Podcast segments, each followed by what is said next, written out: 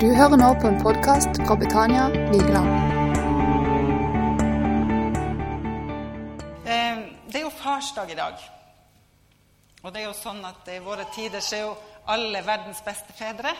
Det er jo for noe ideal å leve opp til. Eh, Men så skal jeg snakke om han som da, siden det er så mange verdens beste fedre, da, så skal jeg snakke om han som er universets beste far.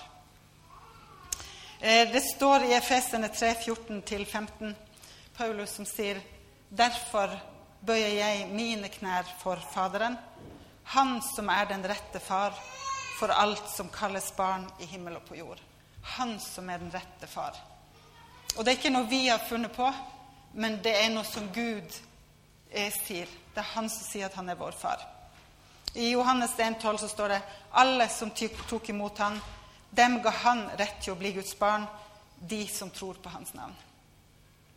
Gud er min far, og Gud er din far. Gud er far til alle mennesker. Han er den rette far. Men så er det ikke alle som har kommet hjem til farshuset. Men han er som den faren vi leser om i er det Lukas det står om den historien, som står og speider etter den bortkomne sønnen. ikke sant? Han som ennå ikke er kommet hjem. Og så står Gud og speider, for han er den rette far til alt som kalles barn. Og alle som har tatt imot han, har den retten til å bli Guds barn gjennom tro. Eh, Nå er det sånn at ofte så sitter det bare i huet, men så sitter det ikke i hjertet. Eh, så leste jeg et intervju med ei dame eh, som var utrolig tankevekkende. Hun står i et kjempesterkt arbeid eh, borte i, i Flekkefjord. Og hun ei voksen dame, familie Som jeg forsto det da, så har hun levd lenge som kristen. ikke sant? Og så kommer hun bare inn i en skikkelig troskrise. Og, og det blir så ille at hun bare tenker jeg skal, bare, skal jeg bare forkaste alt? Skal jeg bare liksom forkaste alt jeg trodde på? Gud, hvor er du? Men så roper hun til Gud, og så blir hun møtt. Og så sier hun det her. Jeg hadde hatt Gud i livet mitt, men som en fjern arbeidsgiver. Nå kom han nær som en kjærlig far. Jeg trengte ikke være flink jente. Jeg behøvde ikke å prestere, bare være hos han. Tenk deg, Hun levde som kristen så lenge, og så sier hun men Gud var bare som en fjern arbeidsgiver. Og jeg tenker, Når vi går herifra, når du går hjem i dag, når du er alene Hvilken Gud tar du med deg herifra? Tar du med deg en fjern arbeidsgiver?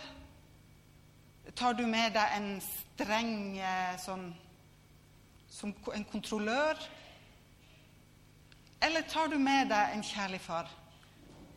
Når du er helt alene, når du henvender deg til din far i himmelen Hvis du er helt ærlig med deg sjøl hvordan ser du på ham? Hvilket forhold er det? Jeg tror utrolig mange av oss faktisk har et distansert forhold til Gud. Og så er det greit med Jesus, ikke sant? Men så er det litt distansert med Gud. Eh, en annen jeg leste vitnesbyrdet til. Det er en som heter Russ Teft. Han er veldig kjent lovsangsleder, musiker fra USA. Nå er den mannen 63 år gammel og har levd med Jesus. Han har vært frelst hele livet. Men så sier han han kom fra en eh, pastorfamilie, men pappaen hans var alkoholiker. Og han sier han elska Jesus. Han elska Jesus overalt, men han sleit med alkohol. Det går an. Så det var en omflakkende tilværelse for deg, fordi han sto som pastor, og så gikk det noen måneder, så, så tok alkoholen over og klart han måtte de flytte til Da ble han liksom sagt opp, og han måtte videre. Eh, Så han her mannen han, han, han, eh, han sto i lovsangstjeneste tidlig og var med som musiker, og så sier han I lang, lang tid visste jeg ikke noe om fred. Jeg visste ikke hva det var. For meg var Gud en som holdt, med, som holdt øye med meg. Og i det øyeblikket jeg gjorde noen feil, så kunne han gi slipp på meg. Men jeg fant ut at han bare elsker meg. Han elsker meg når jeg er god. Han elsker meg når jeg er dårlig. Jeg visste ikke det da jeg var barn. Jeg visste ikke engang det da jeg var en ung mann. Og så spør han journalisten ja, når fant du ut av det. Jo, kanskje for en 15-20 år siden. Altså, det her er en mann som i dag er 63 år, så han var godt voksen da han fant ut av det. Det var da jeg oppdaget nåden for første gang i livet mitt. Jeg leste flere bøker som forklarte det på en måte som jeg aldri hadde sett det før. Nåde er ikke noe vi gjør oss fortjent til, det er noe som blir gitt oss. Og det var veldig godt for meg, og det forandret meg. Tenk deg kristen i så mange år, og så hadde han aldri grepet nåden. Og jeg tror dessverre det er som for så mange av oss at vi hører det forkynt, og vi kan på en måte Ja, sånn er det. Og så har vi ikke grepet det. Så har vi ikke grepet nåden. Så lever vi faktisk enda under eh, altså trell. Vi lever enda under dom. Vi lever enda under regler og bud. Og så har vi ikke grepet nåden. Og det er noen som liksom tror at man kan falle ut og inn av nåden. ikke sant? Men eh, det går ikke an, for det handler ikke om oss, det handler om Han. I Salme 103, 13 så står det Som en far forbarmer seg over sine barn, så forbarmer Herren seg over den som frykter Han. Er det, er det, det, og det er så vakkert, det er så nydelig. Se for deg en far når han får barnet sitt for første gang, og han bare forbarmer seg over det barnet. og han bare vil sånn All kjærlighet, all trygghet, alt vil han bare gi til det barnet. Som er bare helt forsvarsløst, som ikke kan gjøre noe fra eller til. Sant? Bare hyl og skrik og bæsj og spis. Og så bare forbarmer seg pappa over det barnet. Fordi han elsker det. Ikke for noe det barnet har gjort, men fordi det barnet er. Fordi at det er hans barn. Og sånn Gud, han elsker oss, han forbarmer seg over oss. Ikke for noe vi har gjort, men for det vi er. Fordi vi er hans barn. For vi er skapt til samfunn med han. I Johannes 1,3, og jeg elsker de versene Se hvor stor kjærlighet Faderen har vist oss at vi skal kalles Guds barn, og det er vi. Han slår det fast. Vi er det. Vi er Guds barn. Og I vers 20-21 så står det For om våre hjerter fordømmer oss, så er Gud større enn våre hjerter og kjenner alle ting. Mine kjære, dersom våre hjerter ikke fordømmer oss, da har vi frimodighet for Gud. Og det er så mange som blir så fordømt for ting en gjør, for ting en tenker, ting en har gjort. Og så, så fordømmer hjertet oss sånn at ikke vi ikke klarer å ha frimodighet innenfor Gud. Og Åssen er det hvis man gjør noe galt mot noen? Eller man kan så fort se hvis barn har gjort noe galt. For hva skjer da? Da vil ikke de møte blikket vårt. ikke sant? Hvis et barn ikke vil møte pappa eller mammas blikk, så er det gjerne fordi at en har gjort noe galt, og så mister en frimodigheten. Og så står det at hvis hjertet vårt fordømmer oss, så klarer ikke vi å være frimodige innenfor Gud. Og jeg vet en som er ekspert på bare liksom komme med fordømmende tanker. Altså Vi er ofte vår egen verste fiende. ikke sant? Og det er liksom 'Å, jeg er så elendig, og nå gjorde jeg det, og jeg kan ingenting', og alle de andre er så mye bedre, og 'Gud, åssen kan du elske meg?' Jeg prøver igjen, og så faller jeg, og så prøver jeg, og så faller jeg. Og så fordømmer hjertet oss, og så klarer vi ikke å ha frimodighet innenfor Gud. Men så er Gud større enn hjertene våre. Og så sier han at hvis ikke hjertene våre fordømmer oss, så kan vi ha frimodighet. Gud ønsker å få oss inn i den posisjonen så vi ser nåden, så vi forstår at vi ikke skal la hjertene våre fordømme oss. At vi skal kunne møte Guds blikk helt åpent. Når, helt, når, når Gud hadde skapt mennesket, han vandra i hagen sammen med dem, snakka fortrolig med dem. Og så vet vi at mennesker faller i synd, de bryter Guds bud. Og hva skjer? Da gjemmer de seg for Gud. Og mange mennesker vi gjemmer oss for Gud. Og når vi er sammen, ikke sant, og vi synger, og det er så bra, og ja, og så går vi hjem, og det er da jeg sier Hvilken Gud er det da? Gjemmer vi oss for Gud? Klarer vi å forholde oss til Han med frimodighet? I Efeserbrevet det er jo, altså, Bibelen er jo bare skattkammeret så står det 'Lovet være Gud'. Det er fra første kapittel, fjerde vers. Lovet være Gud, eh, vår Herre Jesu Kristi Far, Han som har velsignet oss med all åndelig velsignelse i himmelen i Kristus. For i Han har Han utvalgt oss før verdens grunnvoll ble lagt, for at vi skulle stå hellige og feilfrie for Hans åsyn. Altså Før verdens grunnvoll ble lagt, før mamma og pappa hadde tenkt på meg, før jeg hadde sett en eneste dag, så var jeg utvalgt av Gud. Og til hva da? Jo, til å stå hellig og ulastelig. Tenk det. Altså, vi, en ting er at ja, vi ser på andre, og vi fordømmer ofte deg, nord. Men som sagt, vi ser også på oss sjøl og bare fordømmer oss sjøl nord og. Og så sier Gud, i Kristus, så er du faktisk hellig og ulastelig for meg. Når jeg ser på deg, mitt elskede barn, så er du hellig. Du er feilfri. Du er ulastelig. Klarer vi å ta det til oss? Og da kan vi få lov å ha frimodighet, står det, inn for Gud, noe vårt hjerte fordømmer oss. Da har vi frimodighet innenfor Gud. Det er ikke snakk om egenrettferdighet. Det er ikke snakk om hva jeg er i meg sjøl, men det er snakk om hva jeg er i Jesus Kristus. For alt handler om Jesus. Alt handler om det han har gjort for meg. Johan, 1. Johannes 4, 17-19. I dette er kjærligheten blitt fullendt hos oss at vi har frimodighet på dommens dag. For som Kristus er, slik er vi i denne verden. I kjærligheten fins det ikke frykt. Den fullkomne kjærlighet driver frykten ut. For frykten bærer straffen i seg, og den som frykter, er ikke blitt fullendt i kjærlighet. Vi elsker fordi Han elsket oss først. Og det der at eh, I kjærlighet er det ikke frykt Gud. Altså Vi skal frykte Gud på den måten at vi har respekt, men ikke på den måten at vi er redd for ham. Vi skal ikke være redd for altså Mange mennesker er jo redd for og tenk når Gud kommer, Jesus kommer igjen og skal dømme. Blir jeg dømt? Blir jeg med? Blir jeg igjen? Mange er redd. Men så sier Bibelen at du skal ikke trenge å frykte. Hvis du har tatt imot Jesus kjærlighet i ditt hjerte, så skal det være i en trygghet og en fred. Vi skal ikke trenge å frykte. Hvis vi går rundt og er redde og liksom ja, Er jeg med, eller er jeg ikke med? Kommer jeg til himmelen, kommer jeg ikke til himmelen? Og jeg tror mange sjelesorgere kan si at veldig mange kristne sliter med det her. De er redde innenfor døden for ja, ja, holder det? Kommer jeg hjem? Så har de frykt. Og så sier Gud at kjærlighetens mål med oss er at vi skal ikke frykte. Og innenfor den siste dag så skal vi ikke trenge å frykte, men vi skal kunne ha frimodighet. Og det er det liksom når vi er med de her, uh, disse muslimske vennene våre, uh, og det er så gudfryktig, vet du.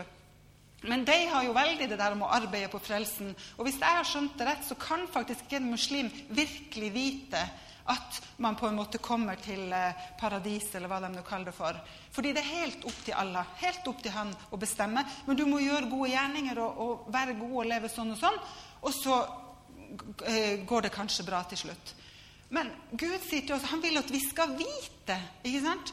Og det står at vi er allerede satt i himmelen med Jesus. Og tenk å leve med i tro som at du går hele livet. Jeg vet bare ikke. Men Gud har sagt jeg vil at du skal ha frimodighet. Jeg vil at min kjærlighet skal gi deg trygghet. Min kjærlighet skal gi deg overbevisning. Du er Guds barn. Ja, jeg er på vei hjem. Ja, jeg er allerede satt i himmelen med Jesus. Og det er ingenting som kan rokke med det. Om jeg har en god dag, om jeg har en dårlig dag, om jeg fikk sagt et skeivt ord, om jeg fikk gjort noe galt. Jeg kan ikke dette ut av nåden. Fordi han utvalgte meg før verdens grunnvoll ble lagt. Og da skjønner til og med jeg at det handler ikke om meg. Det handler om han. Der skjer det et eller annet. Og så står det i 1. Korinterne 1,18.: For ordet om korset, det er en dårskap for dem som går fortapt. Men for oss som blir frelst, så er det Guds kraft. Ordet om korset, det er en dårskap. Jeg snakka med en fra Midtøsten, og han, han forkasta den eh, muslimske troa. Så han er ikke noe troende, var ikke det. Men så sier han bare at ja, men tanken på at en gud skal liksom lide og dø på et kors, det er latterlig. Ikke sant? Tanken på at Gud, universets herre, skulle liksom komme og dø, nei, det er latterlig. Og på en måte så, ja, så skjønner jeg liksom Gud Hvorfor skal Gud nedverdige seg til å komme og lide for oss? Gud han bestemmer jo over oss. Han jo bare med et knips, ikke sant, så er jeg en i evigheten. Og så skal liksom Gud Skal han liksom dø på et kors? sier han latterlig. Og så er det akkurat det der at ordet om korset, det er en dårskap. Det er virkelig en dårskap for de som går fortapt. Og så er det korset som er kraften til frelse. Det korset som alt dreier seg om. Og hvis vi slutter å forkynne korset, så er vi snart bare en sosial klubb. Men det korset som gjennom alle tider, som gjennom alle kulturer, har samla de troende. Og så kan det se forskjellig ut, men hvis vi ikke har korset, så er det ikke altså, Kristi etterfølgere. Rett og slett.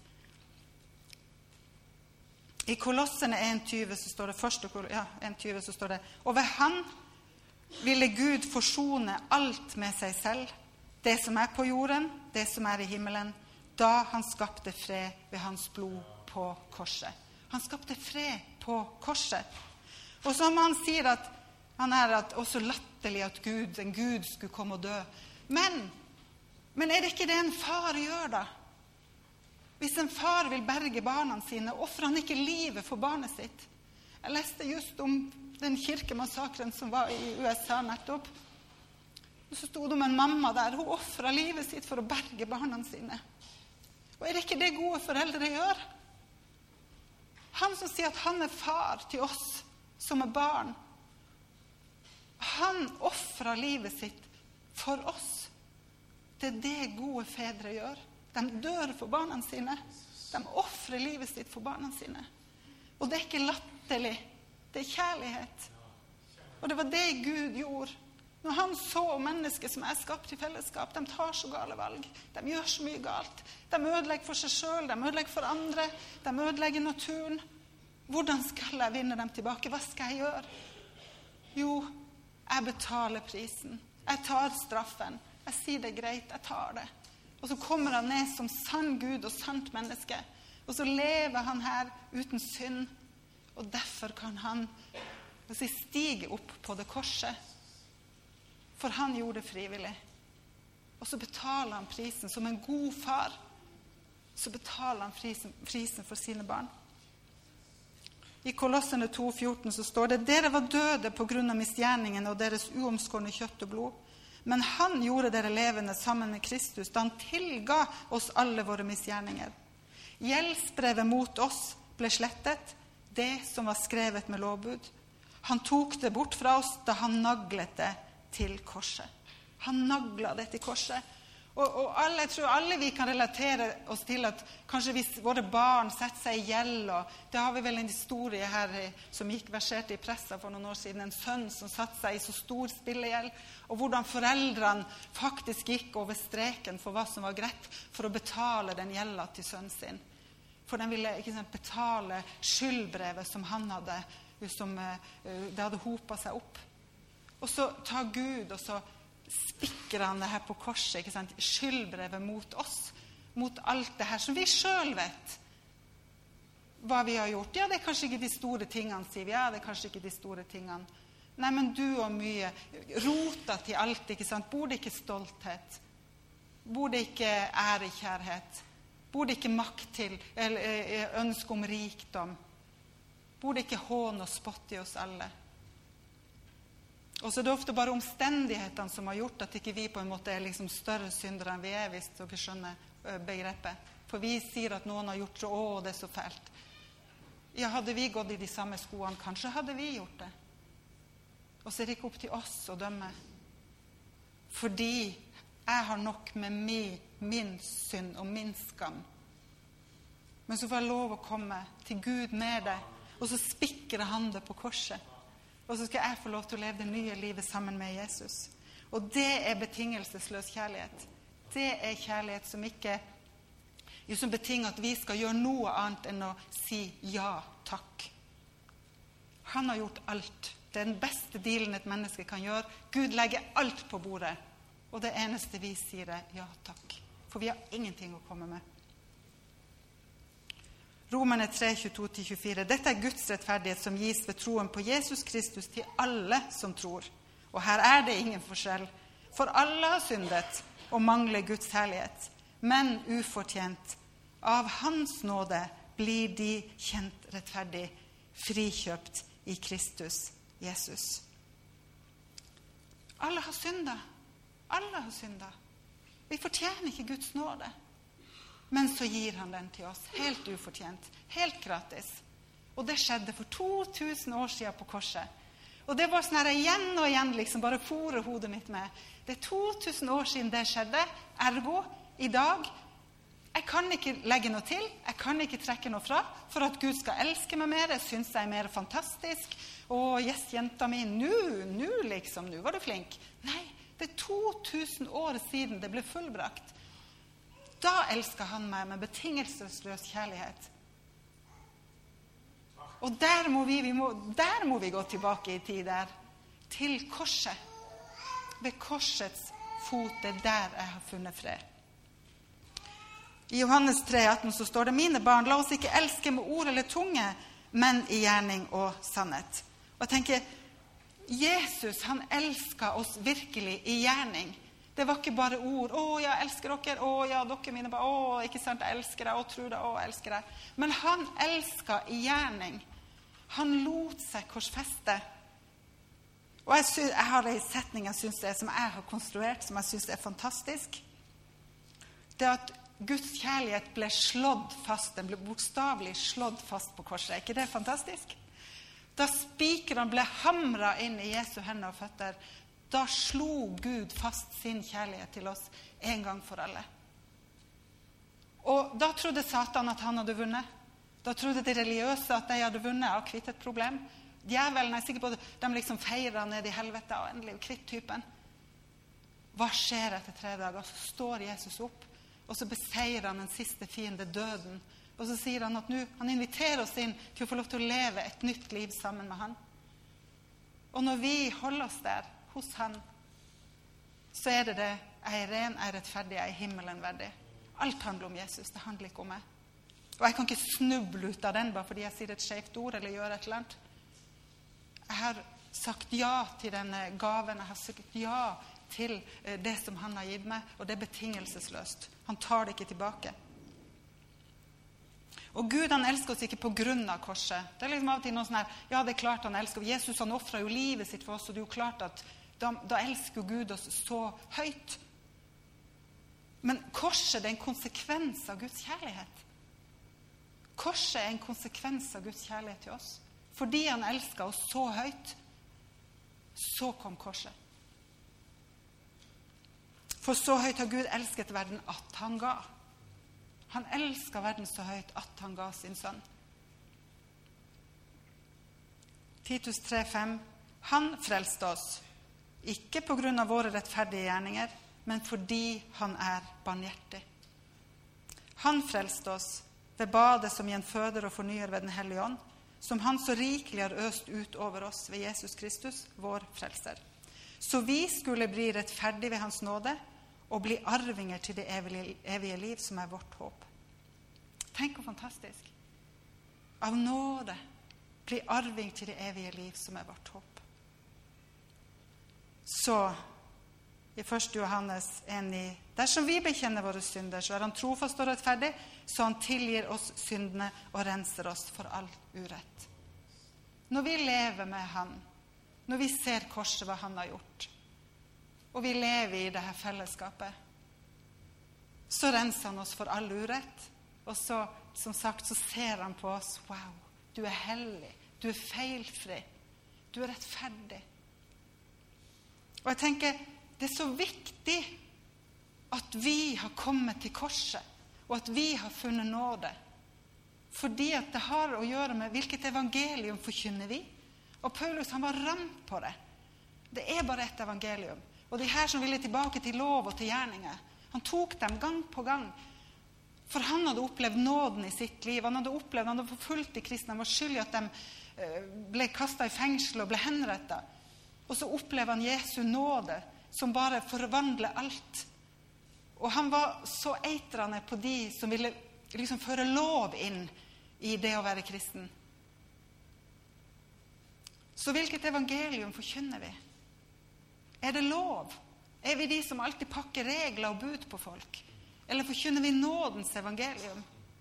Så handler ikke det om at Gud har gitt oss gode bud å følge. Dette er den beste oppskriftsboka ikke sant? på å leve et godt liv. Fordi Gud han er vår skaper. Dette er bruksanvisninger. Det er ikke det det handler om.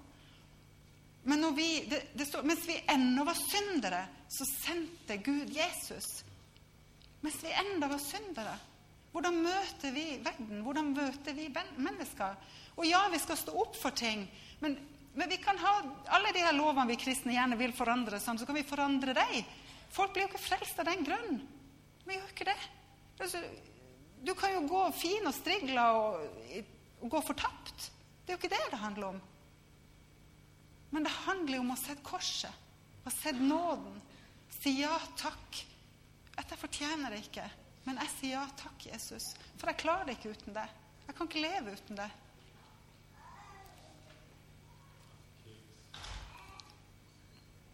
Andre kor 5, 19-21. Men det var Gud som i Kristus forsonte verden med seg selv, slik at han ikke tilregner dem deres misgjerninger, og han betrodde budskapet om forsoningen til oss. Så er vi da utsinninger for Kristus, og det, som, og det er som Gud selv formaner gjennom oss. Vi ber dere på Kristi vegne, la dere forsone med Gud. Han som ikke visste av synd, har han gjort til synd for oss, for at vi i Han skulle bli rettferdige, eller få Guds rettferdighet. Altså, Vi står i forsoningens tjeneste. Og så mange ganger vi som menigheter, som enkeltpersoner, har gjort det vanskelig for folk å komme hjem til farshuset. For vi sier gjerne at 'å nei, det er gratis, og du skal ikke forandre deg'. Og så er bare virkeligheten helt annen. At folk opplever at jo, vi er så opptatt av at de må forandre seg. Forandre klesstil, forandre væremåte, forandre meninger. Men så sier bare far 'kom'. Før verdens grunn var belagt, så utvalgte jeg deg 'kom'. Det handler ikke om dine tanker, det handler ikke om dine meninger. Det handler ikke om hvordan du kler deg, om du har hatt på hodet eller skjørt. Eller. Det handler ikke om det. Kom! Og så får vi lov til å komme. Og så får han ta seg av oss. Ikke sant? Istedenfor vi skal holde på å hakke på folk og prakke på folk. Ofte ting som er av, fordi vi ikke har sett nåden, og vi ikke har opplevd det sjøl. Og vi trenger å gjøre som han er mannen som virkelig han leste og han studerte, og så griper han nåden. For å få det rette bildet. For vi er alle påvirka av eh, vår forhistorie, ting vi har opplevd. Og så må vi stemme det her da, med Bibelens bilde, stemme det her med Guds ord. I Salme 103, 14 så står det at for han vet hvordan vi er skapt. Han kommer i hu at vi er støv. Og det har jo vært litt sånn her at eh, Å ja, vi er jo bare støv, og vi er jo så elendige, og vi er liksom ikke noe verdi, for vi er jo bare støv. Men i første Mosebok 2,7 så hva står det der? Det står at Gud formet mennesket av støv. Vi er støv. Jeg hørte just på radioen det var noen som bare sa det at hvis du bryter mennesket ned da, sånn, i de her kjemiske bestanddelene, så er vi sånn det samme som støv. Så jeg tenker sånn Det er ikke liksom at du har støv, du er ingenting. Har du ikke vært nå? Nei, jeg er det bare. Kjemisk er jeg støv. Ja, vi er kommet fra jord, vi skal bli til jord. Men i Salme 8, 67 så står det Du gjorde han lite ringere enn Gud. Med ære og herlighet kronte du han. Du gjorde han til hersker over dine henders verk. Alt la du under hans føtter. Når Gud skapte mennesket, så står det 'Jeg skapte mennesket med ære, med herlighet'. Jeg la alt under menneskets føtter. Og så vet vi at vi kludra det til. Og jeg tenker Det er jo historien om deg, det er historien om meg. Det er jo ikke liksom Adam og Eva hadde ikke vært for deg. Og så hadde vi vært i haven. Ja, OK, jeg tør ikke snakke for deg sjøl. Ja, jeg vet. Jeg vet hva jeg hadde gjort. Eh, og dere hadde trengt Jesus da òg.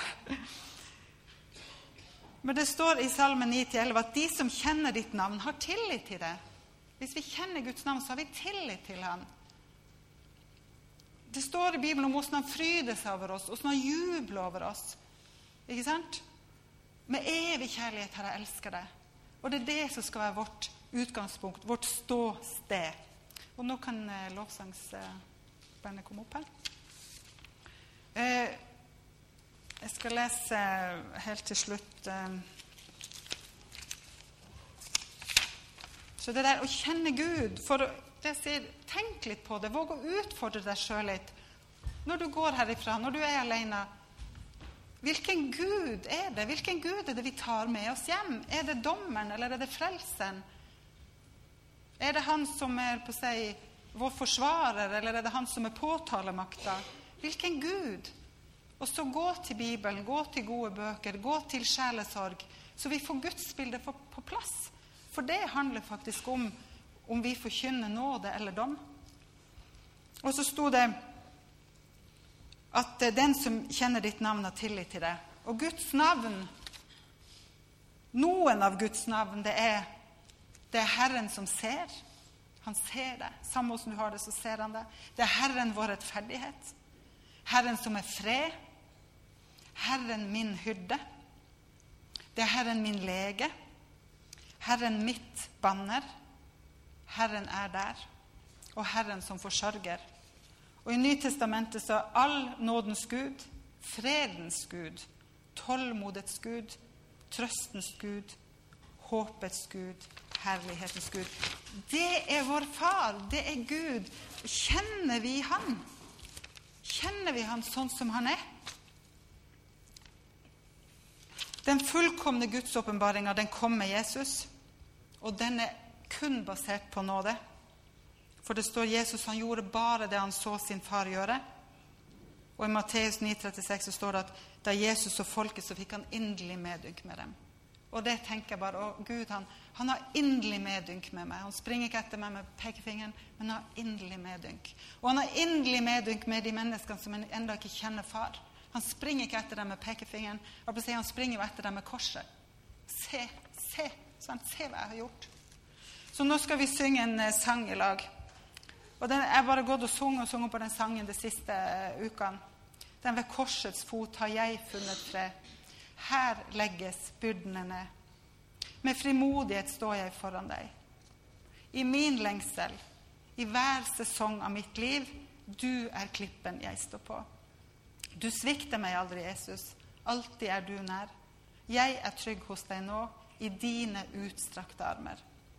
Jeg ser meg selv gjennom dine øyne og glemmer alt som gikk galt. Jeg står uten skam, uten lenker, fri i din kjærlighet til meg. Herre, i mitt liv, du har satt meg fri. Jeg lever nå i deg. Når man står på det, da kan jeg si at du som er herre i mitt liv, jeg lever bare for det fordi du har satt meg fri til det. Og så for så mange unge mennesker i dag, de som jobber særlig med ungdom, sier det er så mye skam. De kjenner på så mye skam, for de er ikke gode nok. Ikke god nok hjemme, ikke god nok på skolen, ikke god nok på Facebook, ikke god nok for vennene sine. Det er så mye skam. Og så sier Jesus at vi kan få lov til å stå uten skam, uten lenke, for vi er fri i den kjærligheten som han har gitt.